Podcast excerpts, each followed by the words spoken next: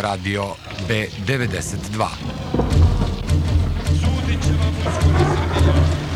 Moji prijatelji žurili, pa nek se došle da sačekaju. Utopija. Utopija. Ju Utopija.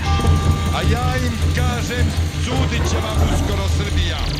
Utopija radija B92.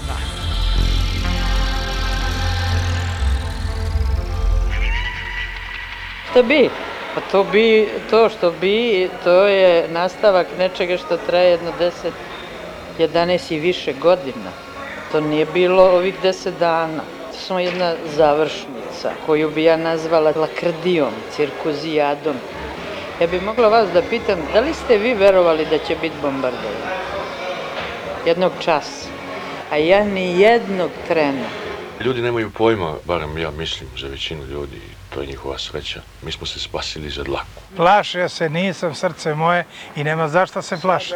Sačuvao je državu, sačuvao je Kosovo i napravio je ono što je trebalo da napravi. On je to obećao da neće biti rata u Srbiji dok je on predsjednik. Još u početku kad je došao na vlast.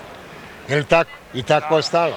Tačno. Ja ne znam šta mi tražimo više od njega. Preplašen sam bio u onom smislu u kom ima jedna stvar lična kod mene, što sam razmišljao kako mogu glupo da izgubim život. Eto, nije, nije stvar u tome da izgubite na ne, neki način.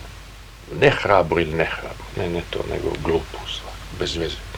Okruženi ste nekim svetom koji tako, mislim, sam sebe dovede do propasti ili povuče i vas.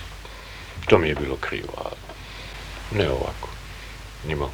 Ja bih se sad vratio na ono što stalno treba imati na umu, a to je da smo mi od takozvanog oslobođenja do danas pod okupacijom. I šta vi možete da očekujete u okupaciji? Možete da očekujete sve ovo što nam se događa. Bilo bi najnormalnije da narednih dana demokratska skupština izglasa, na primjer, zabranu kretanja. Jer u okupacijskim okolnostima imate tačno policijski čas.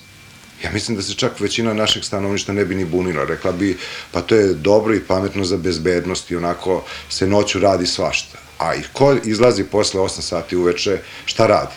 Kad čestit pošten svet se zatvara već u 9 sati i leže. A homogenizacija takozvana koja se sad desila je desila po čistoj komunističkoj liniji.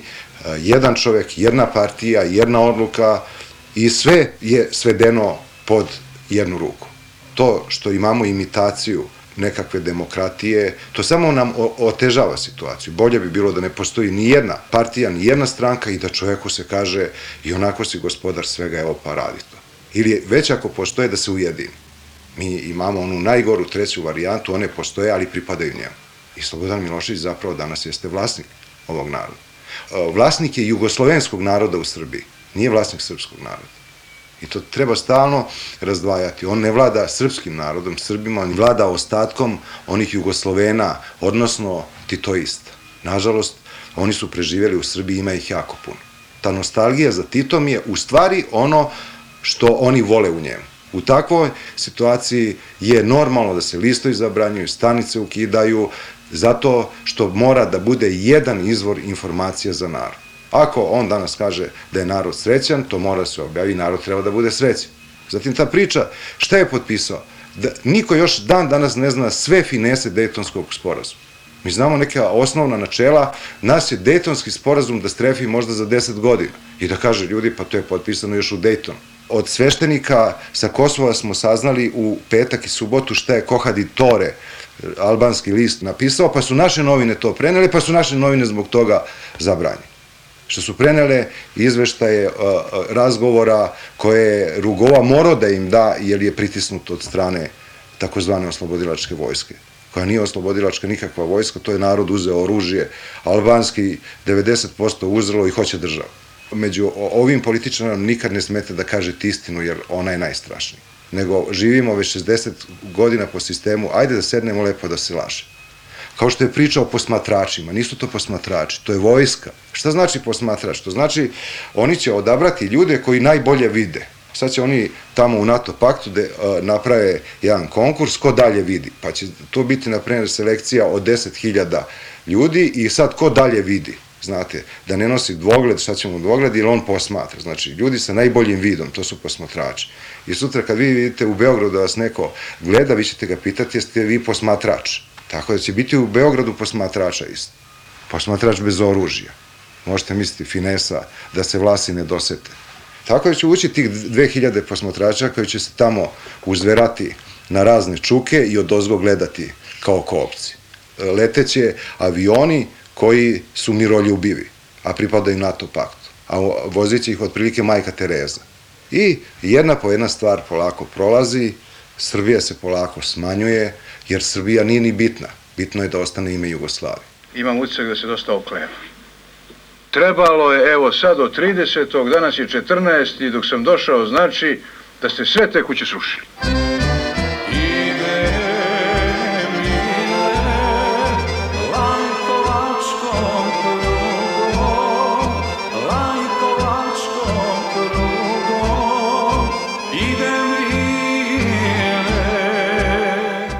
Ono što je bilo sklono rušenju, brže će da se sruši i da se gradi novo, koje će biti mnogo lepše i bolje nego ono staro što ste ostavili za vama.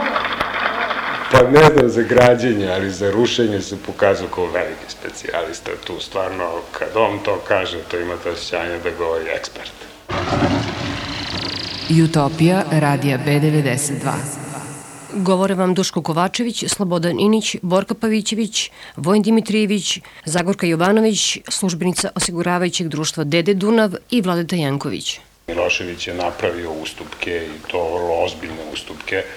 Situacija uopšte nije onako kakva je bila pre nedelju ili mesec ili godinu dana. Jasno je da je Kosovo na sigurnom putu da dobije najpre jedan vrlo visok stepen autonomije, a sledeća faza je bez ikakve sumnje nezavisnost i odcepljenje. To treba prosto gledati otvorenih očiju. Drugo što mislim da se sem ovoga desilo i što mi se čini strašno važnim, to je da naše unutrašnje prilike postaju zaista neizrecivo loše. Jer mi smo do sad imali naravno mnogo kršenja zakona i ustava, ali se uvek to do sad radilo sa nekim, bar tako pokušajem da se situacija prikaže drugčije, da se zakon zaobiđe, da se ne znam, donese lex specialis ili da uvek ostane privid. Ovaj put e, mi smo u jednoj situaciji gde apsolutno ustav i zakon ne postoje. Ovo što se kod nas dešava, to je drumsko razbojništvo. A ja mislim da je to posledica, uh, pored ostalog, i uh, ovog međunarodnog sticaja okolnosti gde smo mi opet ostali prosto zaboravljeni kao narod, ostavljeni na cedilu, stvar demokratije u Jugoslaviji apsolutno nikog ne zanima. Cela ta naša agonija se nastavlja s tim što je sad to u još ogoljenijem vidu i još je drastičnije i mislim da nam je još manje uh, nekako otvorenih puteva ostalo kaže onaj stih, kaže putevi spasa su presečeni, to ponekad čovjek zaista pomišlja. Srbi ne prave razliku među države i vlasti. Oni to identifikuju i pogotovo nacionalistički pristup je tu očit. Tamo gdje mi ne vladamo, u stvari, pogotovo gdje ne vladamo nad jednom nacionalnom zajednicom koja je čak i ne samo vjerska, drugačija, nego i rasna, onda to njima izgleda kao da tu onda ne postoji ni država u stvari, da onda tu nije, kako bi gospođa Rada Trajković rekla, ova Srbija, ako gledate s tog staništa da vi možete na Kosovu da radite šta god hoćete, jeli, da ovaj, vladate nad kosovskim Albancima, onda jeste Srbija izgubila Kosovo, ali ako se pođe od toga da je to jedino moguće rešenje, kompromisno u stvari, da oni ostanu u okviru Srbije, odnosno Jugoslavije, a da vlast bude saglasna ne samo etničkoj albanskoj većini, nego i drugim nacionalitetnim zajednicama, onda to nije nikakav gubitak. To je, kako bi to uporedio, kad imate stan sa četiri sobe, tri su vaše, ona četvrta nešto i koristite, ali koristi i drugi. Tako da je to jedna vrsta kapitulacije pred eh, moći međunarodnom i pristajanja na potpunu negaciju programa s kojim je sve to počelo. Nažalost, to nije kraj svega toga. Mogo bi neko da pomisli da ta obsesija Kosovom i taj mit treba nekako da se umiri, da ne bi služio demagozima stalno kod nas u Srbiji da povremeno dolaze na vlast, ali izmislit će se novi problemi i ja se bojim da količnik teritorije represije isti, što manja teritorija veća represija, tako da se na kraju može vladati jadom ciganlijom. No, uvek će imati jedan izvor podrške, a to je što će to biti glavni remetilački faktor na Balkanu i stalno će dolaziti, pa čak i na tu adu ciganliju, govorim figurativno, će dolaziti stalno neko da moli da se to smiri, da se pomogne u rešavanju šili problema. Tako da je, kad pogledate pažljivije, ti ustupci su ogromni, to je nije šija nego vrat, neće doći NATO, doći će OEBS, bit će kontrola potpuna. Ono što je najžalosnije jeste da ovi ustupci koji bi bili bolni za svaku državu, jer remete njenu suverenost, oni bi bili e, možda i manji da ne postoji tu užasno nepoverenje. To je nepoverenje u ličnost samoga Miloševića, ali on se prenosi na celu zajednicu i jednostavno reč ničija odavde više ne vredi, a onda ako ne vredi reč moraju da se prave čitave nekakve pedagoške mere da se to kontroliše i vidi.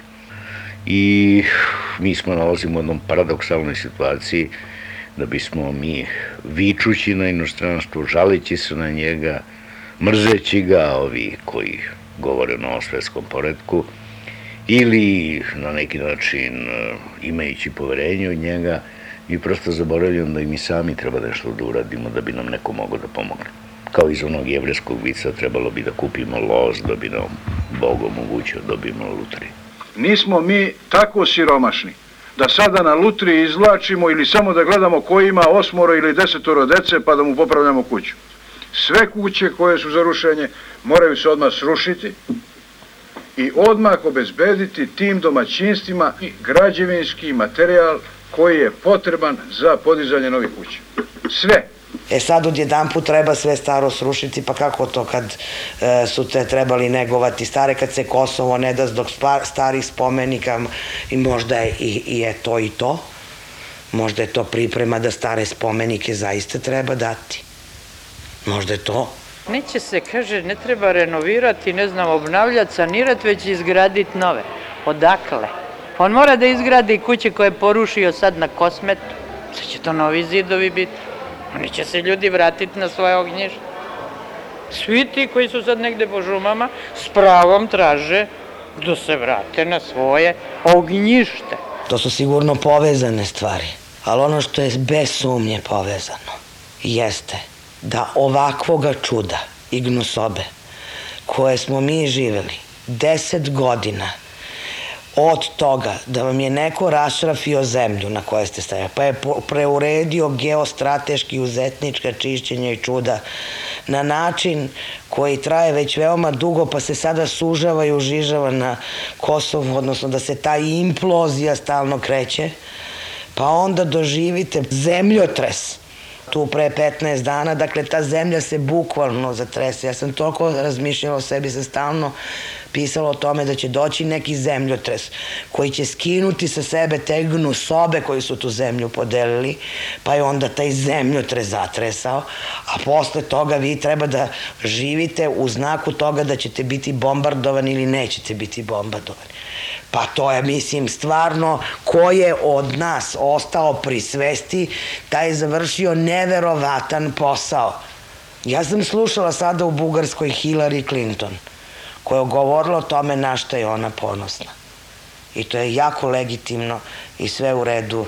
I u redu je da žena u jednom javnom svojstvu obavi sve te poslove, da se bavi radom i da se bori za demokratiju i da pomaže ljudima da čini sve ono što može. Ali onda sam pomislila, gospode Bože, šta su preživele neke žene ovde za deset godina? I na šta one sve treba da budu ponosne?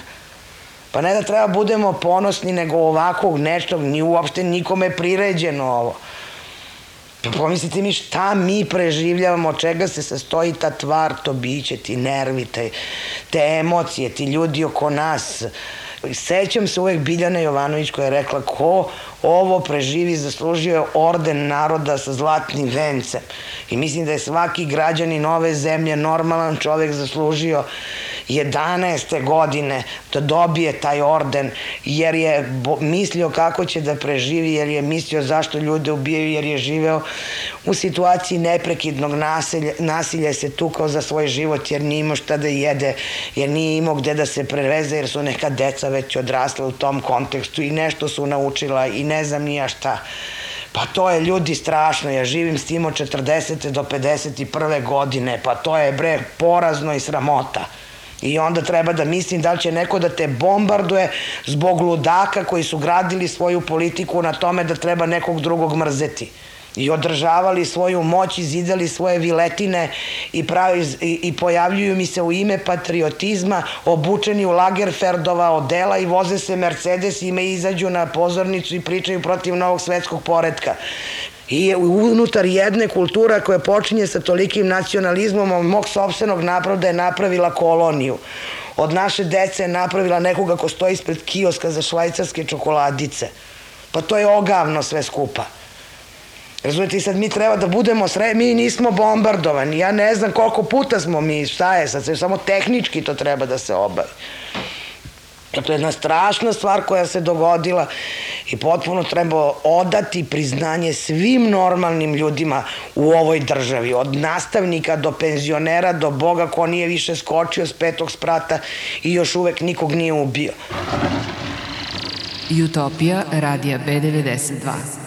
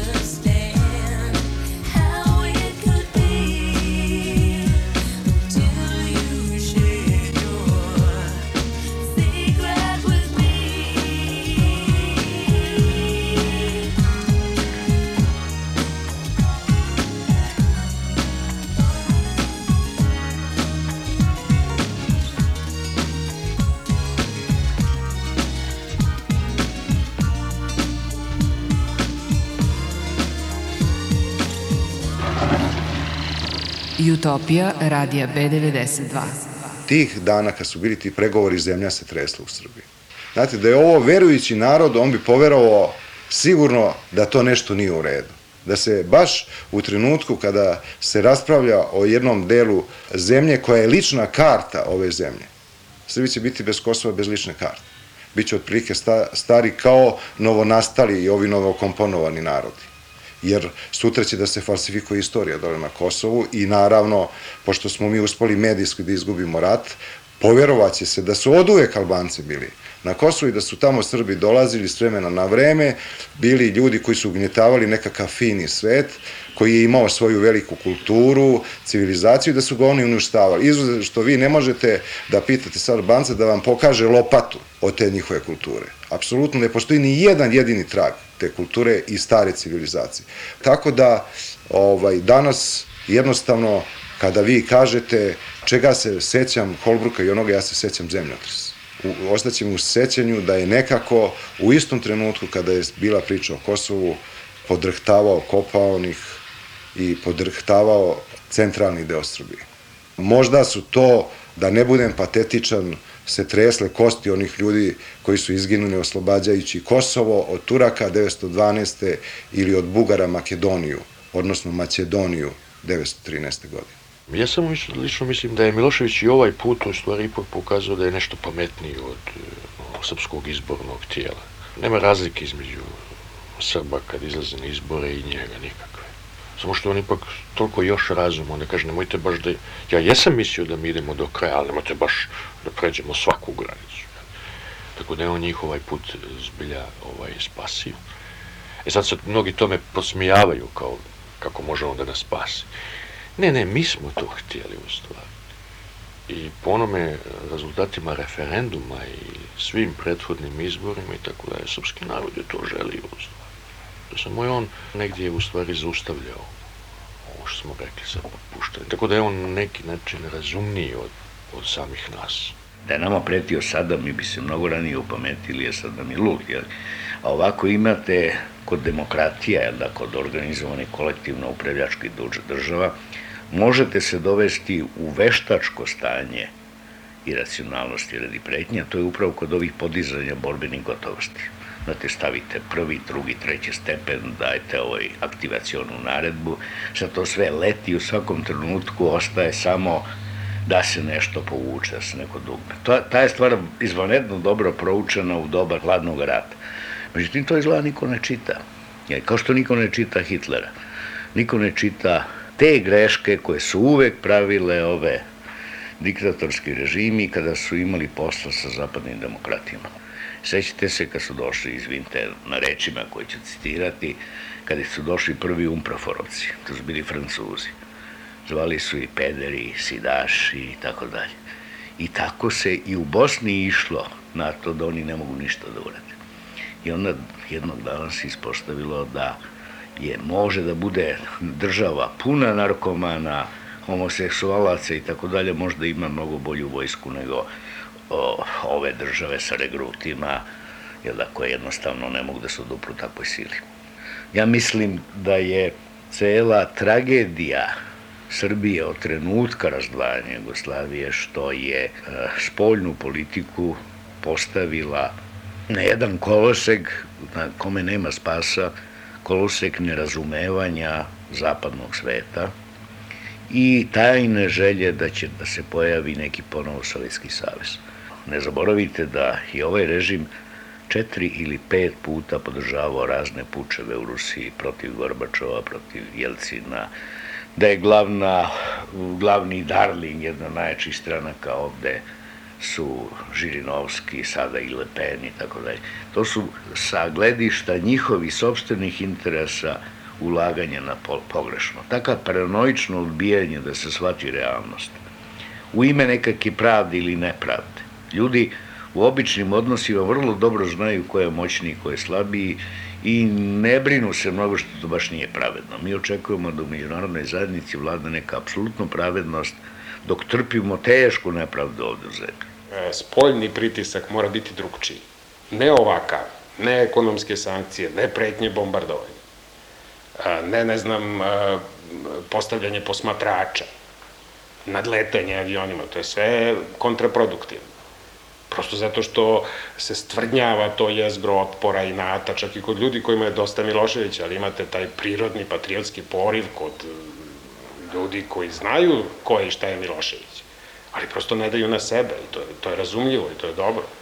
Pritisak mora biti mnogo rafiniraniji, a ta vrsta rafiniranog pritiska u pravom pravcu, ili pravcu demokratije, dobra, najgeneralnije govoreći, je da se Jugoslavija i Srbija uvuku u Evropu, da mi e, postanemo ono što su oni, a ne da budemo stalno stavljani u, u neku vrstu jeli, rezervata, posebnog, specijalnog položaja. Kad se pojavite u inostranstvu, vas gledaju još uvek kao neku vrstu tako da kažemo, odstupanja od normalnog ljudskog standarda, da ne kažem ko zveri nego prosto vas gledaju sa sumnjom, s izvesnim čak nekad malim gađenjem i to možete da osetite u, u kontaktima. Ja ne znam ko to nije osetio. Ili dok je to tako, dok ste vi neka vrsta polubića, e, može da prosperira samo, samo režim i niko drugi. I dok to svet ne bude jedan put e, shvatio i dok ne, ne počnu tako kruto da se drže morala kako ga oni vide, dodeljena vam je uloga zlog, i gotovo. Hajde jedan put, isto tako, jednostavno da kažemo. I oni su dobri, samo nemaju šanse. Ako bi to prihvatili ljudi koji odlučuju i ostavili se tih rigidnih moralnih standarda koji su zapravo krajnje nepravedni, jer znate, kad vi pogledate stvar u suštini, e, ispada da su e, ljudska prava važnija od ljudskih života sa tog njihovog stanovišta. I oni će, da bi zaštitili abstraktni pojam ljudskih prava, pobiti stotine hiljada ljudi. Znate, to je ta vrsta moralne e, arogancije i rigidnosti koja nas tako skupo košta. A kada bi svet jedan put pristao da nam da šansu, ne bi se održao ni Milošević, ni Mire Marković, ni Juli, najmanje Šešelj. Ja nisam od ljudi koji su antizapadno orijentisani nikad bio, ali je činjenica da je Zapad čitavo u ovoj stvari nama imao i dan danas ima jedan maćihinski odnos i da veliku odgovornost nose neke zemlje koje su tradicionalno bile naši prijatelji. To prosto treba reći bez strasti bez, s izvesnom možda gorčinom, ali meni to danas izgleda kao sasvim nepobitna istina. Ne može da se troši vreme, život je ograničen na e, mnogo e, kolebanja, razmišljanja o stvarima koje su nesumnjivo dobro smišljene. Geremek je potom u svojstvu šefa poljske diplomatije Ibrahim Rugovi rekao da se nada da će doći dan kada će, kako je rekao, predsednik Ibrahim Rugova posetiti njegovu zemlju. Mislim da će sve oni manje moći u stvari odlučivati o Srbiji, i ta vlast, i ta nikakva opozicija i tako da. Sve će zapravo više odluke biti izvana kao što je u Republici Srpskoj, jel, dadnete im izbore, oni, oni idu na izbore, biraju i sve izabiru koga hoće, ali od njima kažu sad u redu, mi vas priznajemo, ali možete nas slušati, mislim, kako će to da bude. Tako da mislim da će postepeno i ovde dolaziti do neke vrste ispražnjivanja tog prostora vlasti i moći nekih ljudi. I će voditi računa ovaj, o onome šta rade. To jeste u nekom smislu neka vrsta protektorata. Jeste. Jeste. U celoj toj priči bojim se da je ovo privođenje kraja raspada jednog velikog bloka.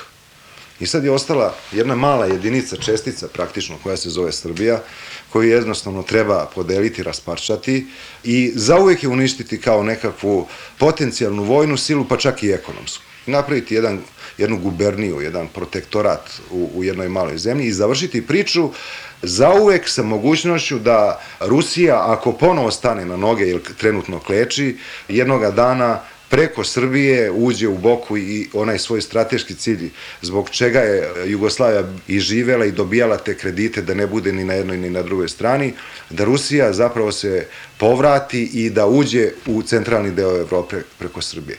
To se čisti, zatvara se i uopšte nije čudno i neobično da se sad postavlja pitanje Sibira, da li tako jedna velika i bogata oblast može da pripada samo jednom narodu. Da li će se ponoviti možda zbog bede koja je trenutno u Rusiji ili oko 10 miliona ljudi na ivici gladi, da se Sibir iznajmi, ne da se kao Aljaska proda za uvek, nego da se iznajmi na 20-30 godina, a za uzvrat da se dobije hrana, da se dobije žito da bi ljudi preživeli, jer ove godine se desilo nešto u Rusiji što ni jedan pisac koji se bavi nekakvim nadrealističkim ovaj, pričama ne bi napisao da prosvetnim radnicima u Rusiji umesto plate se nudi 15 litara vodke mesečno, a nekim drugima mogu da biraju može toalet papir i ono što je najstrašnije ili pogrebna oprema. Znate, ja to čak ni u maratoncima nisam napisao da se nekome umesto plate ponudi pogrebna oprema. Rusija je inače smiješna u tom pogledu, ona zapravo, to je, taj Jelcin je, ja mislim da on, ja se izvinjavam što moram reći, reći o stranom državniku, ali koga ja poštujem kao reformatora, jel barem, ali on zapravo podržava u Srbiji nešto što ne može u svojoj dumi da podržava i svađa se tamo s njim, ili mu rade u glavi, u svoj čak hoće i državni udar da naprave, postoji takva opasnost. To je smiješno da on podržava napravo Miloševića. E sad, zašto to oni rade? Da li tu još postoji onaj ostatak još nekog tog strateškog, imperialnog u njima? Moguće je, znate, ali, ali ja mislim da to više nikakvu ulogu ovaj, ne igra kad je reč o zadobijanju danas e, te globalizacije. Tu je jedan proces, jedan savršen proces koji, mi, mi smo napravili velike, veliku grešku sa, sa, kao narod i kao rukovodstvo i kao intelektualci, još nismo shvatili šta je globalizacija danas. To je jedna fenomenalna stvar, znate. I to, to će nositi pred sobom. Amerikanci, ja sam mislila o Amerikancima, imala pogrešnu predstavu od njihove istoriji. Zapravo, brod lopova i brod, zna se, pokazni posla tamo i oni naselili, međutim nije. Mi se previše trsimo našom istorijom. Mi treba da uzmemo njihov sistem. Sjećate se ono, oni, ves, oni western filmovi, onaj ukrade konja. Šerif sve sa svim onim, sve što je muško sjeda na konje i jure dok ga ne ulovu i kad ga ulovu, konopac zdravo. Puca u leđa, obeše. Ja govorim, to mora da se uradi. To je Petar Veliki u Rusiji radio. Kad je došla ona delegacija iz Engleske da vidi šta Petar radi, Petar zasuko rukave na košilji i otfikaruje glavu lopovima. Tamo kaže, neko mora to da radi. Šta da radi, mora Nama treba Petar grozomorni ovde. Ali, samo da plaši. Ja polazim od nekih koje ja znam, koji su se nakrali. Toliko su nakrali da je to Bogu plakati. Kaže, radi za sup. Pa da ima supa.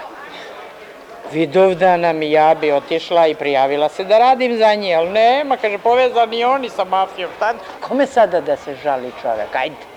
No, vi, vama, vama. Pa vi, evo, ne, ne čujete se na tri kilometra. o, sa petog sprata, šta bi bilo da ste u prizemlju nego? Projekt u ime koga se upravlja ovom zemljom je propao. I on je propao već više kratno. Tako da prosto upravljači traže uporište za svoje vladinje negde drugde. Ovde nema više, znate šta, nema više ideologije, ovde nema više ni nacionalnog programa, ovde je u pitanju Latinska Amerika u lošem smislu reči. Meni je simbol toga da recimo ove zarobljene medije čuva stankom korporacija, stankom security, znači više nema ni policije, privatno je sve. Čak možemo da doživimo da ovo što sada nosi političku vlast nestane i da se probudimo i da vidimo da stvarnu vlast drži neki šesto porodica sa svojim privatnim vojskama, jel da, sa ovom slikom koju već imate u gradu, ovih ošišanih ljudi, pa znate, na pravnom fakultetu smo mi navikli na policiju, ali ona je bila, poznavali smo je po tome što je bilo upadljivo lepo obučena u slična odela, imala pištolje u džepu. Sada za vreme naših sednica upravnog odbora dežuraju ljudi krajnje gangsterskog izgleda kao telohranitelji članova upravnog odbora, to ih ima puno. To je prosto jedna sada privatna država, vidite nažalost i istoriju Beograda posle promene vlasti koja se svodi na to ko će od toga bolje da se okoristi. Utopija radija B92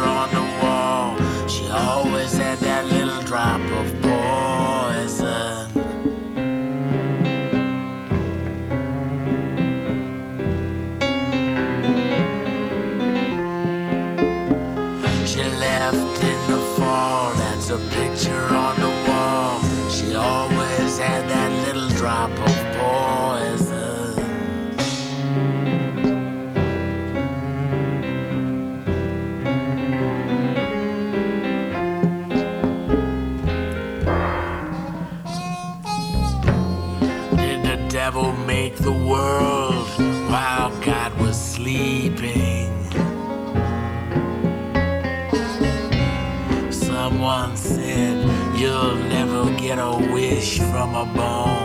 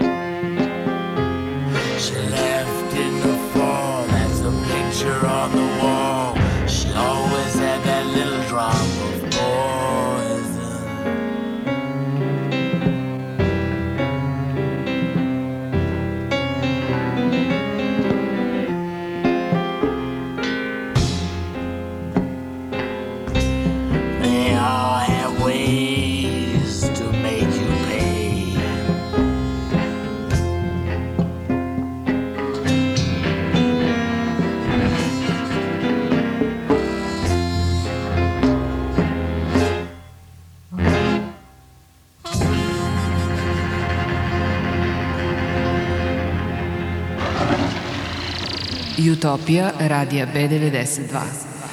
Kad vi gledate ta dva čoveka, a, iza njih stoji, u stvari stoje dve sudbine. Ta dva čoveka se bore za svoje mesto u istoriji. I jedan i drugi. I jedan i drugi imaju motiv u svojim životima da isteraju taj sporazum do kraja. Ja mislim u stvari da se sad ovim što se dešava s jedne strane formuliše kako će svet na jedan način živeti od sada. Tu se sad e, stvara novi start za neku novu istoriju i imate ovo naše pitanje koje e, samo unutar e, je došlo do trenutka da dođe do rešenja ili ili. Kad se sve to racionalno objasni, onda je to ovaj, jedna slika sveta u kojoj mi, u čijem preformulisanju mi učestvujemo i distanca prema tome, naravno intelektualna stvar i on, o tome treba misliti. A subjektivno osjećanje toga da uh, ste vi i subjekt i objekt uh, te nevolje je posebno ovaj, osjećanje. Ja sam u na jednom sastanku u Sofiji gledala neke svoje koleginice i razmišljala sam šta je to napravljeno da u stvari cela ta priča o kašici iz vremena cara Dušana dovede do toga da vam drži pridiku neko koji ima još uvek problem te kašike. Ali nije ni on u tome odgovoran, niti ja kako da kažem, i to je ono što je najstrašnije što je sa nama obavljeno, da je u stvari tim irreverzibilnim procesom potisnuto celo moderno iskustvo. Mi smo sad promenili oblik, da tako kažem, i mi ćemo se stalno suočavati sa sa daljim problemima, bez obzira što nam sad to je juče izgledalo da se ta a, tenzija smanjila i da se ulazi u normalno, onda noćas dum u dve redakcije i ti shvatiš ne, nije normalno. Naprotiv ide represija ne iznutra u trenutku u kome se ovaj, prihvata jedan svetski sporazum. Ne otvaraju se mediji u tom trenutku, ne otvaraju se vrata, ne otvara se ekonomija, ne, ne naprotiv, to se iznutra ponovo steže. A ovo što se dešava, ja užasnuta sam. Ja imam takav neki osjećaj nabijenog gneva, ali neke nemoći. Da apsolutno ništa ne mogu da uradim. Moja su deca obojena otišla iz zemlje. Meni je strašno, ja sam se nadala da će se oni vratiti zbog toga što sam mislila bit će bolje. I mislila sam se vratit će se. Stalno čekam da bude bolje, a vidim da, im, da je sve gore. Ja očekujem da će ovo jako da se zaoštri. Mi smo sada u stanju bezakonja, ovde više nema prava. Pazite, funkcija prava nije ono što su pričali marksisti volja vladajuće klase, nego neka izvesnost, da znam šta smem da radim, šta ne smem da radim. Makar te zabrane bile strašne, makar mi rekli ne smeš da ulaz, izlaži iz kuće posle 10 do 6, onda znam ako sam izišao, kaznjen sam, a ova neodređenost, jeli, uzmite reč defetizam, ja bi volao da nam pravite jednu aketu pa da pitate na 15 ljudi šta znači defetizam. I vidimo kako se to tumači. Znači, izazivanje totalno straha uz mogućnost da se ove pretnje ispune. Vidite pozive na linč, uzimanja talaca i tako dalje. Pošto su svetski moćnici, jela suviše daleko, ima na kome se to može iskaliti. Tako da ulazimo u jedan rizičan period, kombinovan sa ekonomskom propašću. E sad, to može da dovede do dva ishoda, može da dovede do otražnjenja, a može da dovede do totalnog fašizma. Sad na nama je da to uradimo. Ima jedno mitsko čudovište, takozvani katoblepas, koji zapravo počinje da izjeda svoj rep prvo. Onda ide dalje, dalje i onda dođe do utrabe i proždire svoju utrabu u stvari. To bi savršeno odgovaralo jednom stanju u kojem se mi danas nalazimo. Rekoše drugovi malo čas da ste za dve godine prošli 90% onoga što ste obećali. E, neka tako bude, onda imate još e, dovoljno vremena do 2000. jer govorili smo o planu do 2000. da premašite ono što ste planirali i neće da bude nikakva šteta ako premašite ono što ste planirali. Ja vam to iskreno želim i želim vam svima mnogo uspeha i hvala vam. To me je podsjetilo, nostalgično suze su mi krenule jer sam video druga Tita kako je obilazio naše zabačene krajeve i kako je držao govore da se to mora popraviti, da to mora da bude mnogo bolje, da on nije znao da u jednom kraju zemlje, na primjer, ima 50% nepismeni i kaže ja sam mislio da je obrnuto. Morao je da se napravi nekakav reklamni spot o tome da ćemo mi koji smo preživjeli u tom ostatku, a mi zapravo ne znamo ni šta je ostatak. Još uvijek nije nam jasno na čemu smo ostali, gde smo. I naravno to je jedan veliki prolog za ono što će nam se tek desiti. Desit će se to da će se paralelno postaviti pitanje Vojvodi. Nije čudo da su već počele priče o tome gde se dede 300.000 Nemaca iz Vojvodine. Odjednom se vraća posle 55 godina priča o Nemcima iz Vojvodine. A šta je bilo sa konc logorima, to više neko ne pominje. Gde je nestalo 6 miliona jevreja, valjda su otišli na izlet. Tako da to pitanje se prvo postavi usput, nonšalantno, neobavezno, a onda počinje da se ponavlja sve češće i češće, da bi onda se osnovao u nekakvom evropskom parlamentu pokret za vraćanje imovine. Pa pošto ne može da se vrati imovina, onda će da se vrate, na primjer, šiptari na Kosovo za to. I osad što se radi, između ostalog, je da se 200.000 šiptara koji se mahom u Evropi, između ostalog, bave i kriminalom, vrate na svoju zemlju gde su vekovima od pre 10 godina. Ta magija imenovanja. Ako si jednom bio narod, onda si narod. Ako si jednom bio manjina, možda da ima 100 miliona, ti si manjina. Ima jedan divan mali lapsus Momira Bulatovića u Turskoj. Kaže, mi ne ispunjavamo, kaže, ove zahteve rečima, nego delima ne kaže ne samo rečima, nego rečima, što je vrlo tačno. Njima je mnogo teže da rečima priznaju da su to nešto uradili, nego da delima to urade. Oni bi doveli NATO na Kosovo samo da se, evo već se zove KEPS, kad bi još mogla se zove kineske trupe, a da budu samo Amerikanci, jer da to bi bilo ta magija tog komunističkog nazivanja, prepoznavanja, vidite, uvek je za vreme protesta je to bio deo opozicije, je tako, jedan deo opozicije. Sad jedan deo međunarodne zajednice. 150 država u jedinim nacijama protiv nas, to je jedan deo međunarodne zajednice, zato što je vratno Severna Koreja i Kina, mada i Kina nije gleda, Kina gleda svoje posle. Imate te ogromne mogućnost izmišljanja imena koja su besmislena, kao što je anarholiberalizam nekada. Ne možete biti anarhista i liberal, to možda ide za i stavne te doskošice i na to se prošto ta reka virtualna realnost je preselila se u glave ljudi.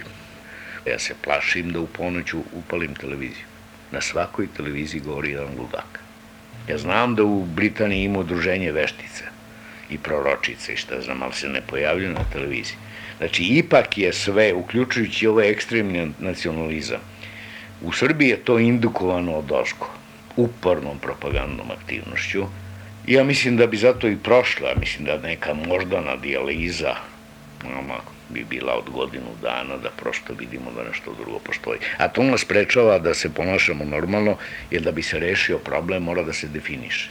Ali imate recimo Kosovo koje ne smete ne definišete, ne smete da kažete koliko ima tamo ljudi, ne smete da kažete ima toliko Albanaca, jer odmah čujete da treba novi popis da se pravi i odmah čujete da neki ima neki 300.000 ljudi koji treba da se izbace, To što naravno u savremenom međunarodnom pravu niko ne mora da primi nikoga ko nije državljanin, to se zaboravlja. I onda se izgubi, onda i neke ličnosti potonu, kao recimo Kalajić koji ode u neku grupu, pa se odmah pojavi, pa se popne do politike i tako dalje. Tako da mi, ja ostajem pri tome da naša elita, naši intelektualci su mnogo gluplji i mnogo krivlji nego taj narod koji neprekidno ogovaraju da ipak se, ipak neko treba da bude neko ko vodi taj narod, komu nešto objašnjava. Mi smo tu prvi put u istoriji totalno zatajili. To je već više stvarno u Božju mater, ako ništa drugo, to postaje dosadno. Ja, znate šta, ja sam pomenuo, ja radim u tom danas, ujutro sam pomislila, pa u vragu, Božju mater, izbacili su me prvi put 68 iz lista susret i od tada me izbacuju. Mislim, um, postoji jedan potencijalni front ljudi. Razumete, evo, mi smo ovih dana iscepali 9 metara drva. Danas smo se setili prvim koji jednog razgovora, prve godine ovde smo imali samo metar drva. Sad imamo 9 metara drva. I ta drva cepa jedan čovek, sad cepa svi mi koji radimo i žensko i muško cepa ta drva jer više ne zna šta da radi. Ja sećam, ja sam njega pratio, duše i on je mene pratio u nekom vremenu uzajamno smo se pratili nakon nekih sukoba u još onom sistemu. On dođe na sednicu gradskog, komisije gradskog komiteta i kaže svi moraju da dobiju stan. Svi treba da dobiju stan. Svi treba, sad treba sve da slušimo, napravimo novo. I sad zamislite takvog jednog čovjeka koji ima takav jedan pristup u stvari. To su te krajnosti u smislu, kad idete u jednom pravcu, onda idete do kraja. Kad idete u drugom pravcu, idete opet do kraja. Možda jedan i drugi pravac nema nikakve veze. I to je najopasnija stvar. Međutim, on ima, bez obzira na sve, on opet ima više pristalica nego mi ovde u radiju B92. Sad je šansa. Slobo se izjasnio da je e, za mir. Spasio je svet od trećeg svetskog rata. Neće ga biti. Znači, neće biti trećeg svetskog, moramo se prihvat posla. E sad ćemo da radimo. Ali, moraju se maći Moraju se oni maći. I to po mogućnosti fino. Imam čak predlog kako. Da svi ljudi dobre volje koji vole ovu zemlju i ovaj narod uzmu po dva jogurta i drže 15 dana dok ne bab na bubre ona. I kad budu imali zajedničku sednicu u Skupštini tamo, napraviti jedan krug, ali sa devet onih obruča i zalepiti im prozore, jer to će oni posle čistiti prozore jogurtima, ne dati im ranu samo u kavu ricinusovog ulja, ostaviti tako, kad popadaju iznemogli, onako, kad... Zna se šta rade ti prolivi to, I završen posao. Onda on ima tamo na divljem zapadu, objašnjava i kažemo, ko je vam obećavao šta, taj nek vam ispunjava. Koji Tito kad ste mu davali kredite, njemu ste dali, niste meni. Ima njih koji proriču kao bit će ko Nikolaj i Jelena. Ne, pa nije su ni Rumuni, pa nije ni Nikolaj ni Jelena zaslužili da budu, ona i ostavi bez filera duga, bre, ej. Šta ćemo mi s ovim? 350 milijardi samo ratne oštete treba da se da dolara, koliko li pite Boga, šta potražuje, ko šta potražuje. to jedino mogu se salio mi reći, slušaj čoče, odabi bre, prazna džaka ne stoji bre, iz prazne se ne puca, ti si lud. Međutim, ali treba izgraditi ponovo Ferhadiju u Banja Luci, ali od Pruća, Pokajnicu. Moj brat prvi da ide brat Pruće tamo, onaj zlikovac, i da počne plesti. Da, da, džami u Pokajnicu. I ruku na srce vi se previše bojite tih. I milicija je nezadovoljna, to su jadnici. 120.000 jedničaka iz Like, to sve izbjeglice, jedno čema, ne, leba, uniformu dobilo i nešto je sad mu glava u torbi. Čak mi jedan rekao, samo mi milicija možemo da ga maknemo. Ja nemojte vi, molim vas, ko Boga vi naučili pucat, mi ćemo to uraditi mirno, fino.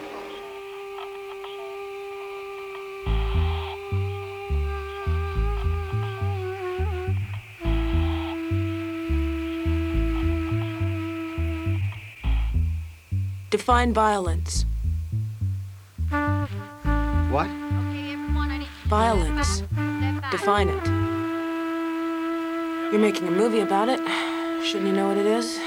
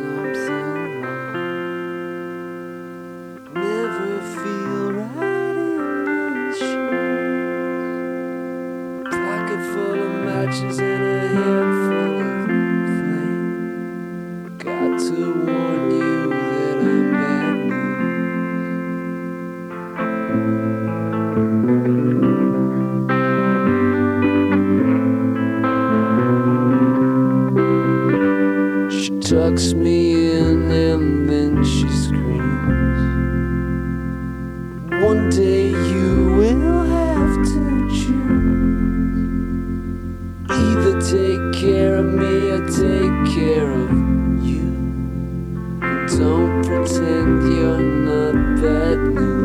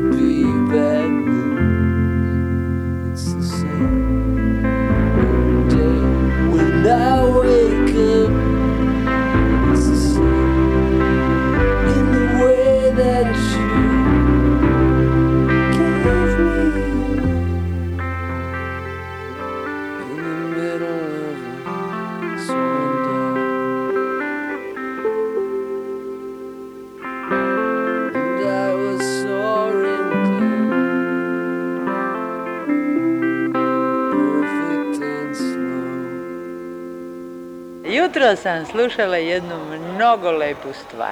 Pustili su Danila Kiša oporuku, valjda on je ostavio svoju posljednju želju, da mu se pepeo prospe sa željeznog mosta na Dunavu, tamo na, da mu se pročita, ne znam, tamo na bilo kom, pa čak i slovenački jezik je pomenuo, ali da to, kako je rekao, nekim jarećim glasom ne otoroka ni jedan glumac.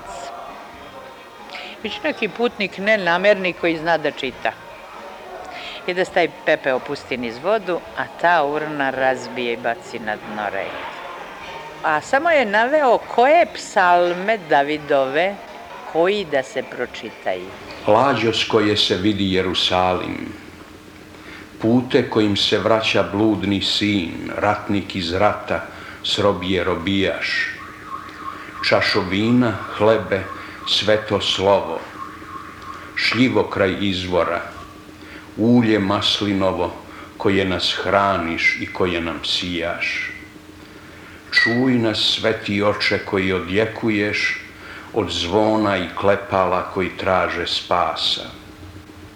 Kad ćeš nas čuti ako nas ne čuješ, danas kad nemamo ni jezika ni glasa? Da vam se predstavim, drugarice.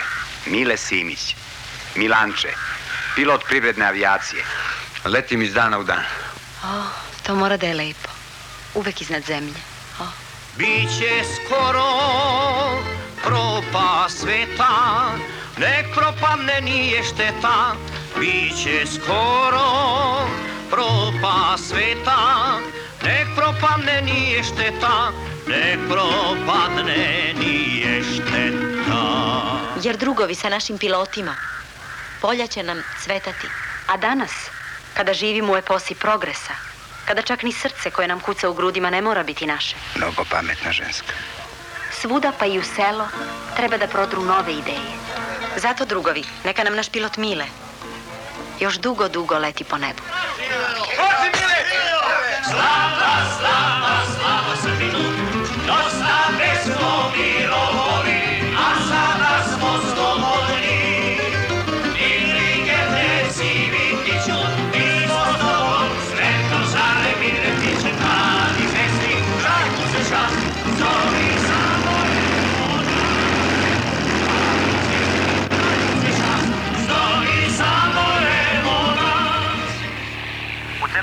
primećeno je kretanje novih okupacionih snaga i smenjivanje starih. Okupacione snage ulaze u sve većem broju i dobar broj stranih vojnika se kreće od istoka prema zapadu, naročito prema Pragu. Slobodni radio procenjuje da se u Čekoslovačkoj sada nalazi blizu pola miliona stranih vojnika.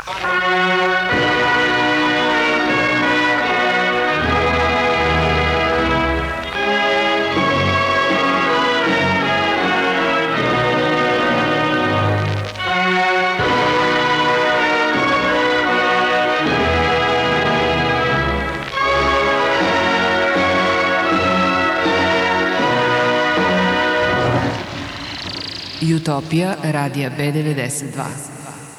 Ovu emisiju napravili su Petar Savić, Svetlana Vuković i Svetlana Lukić.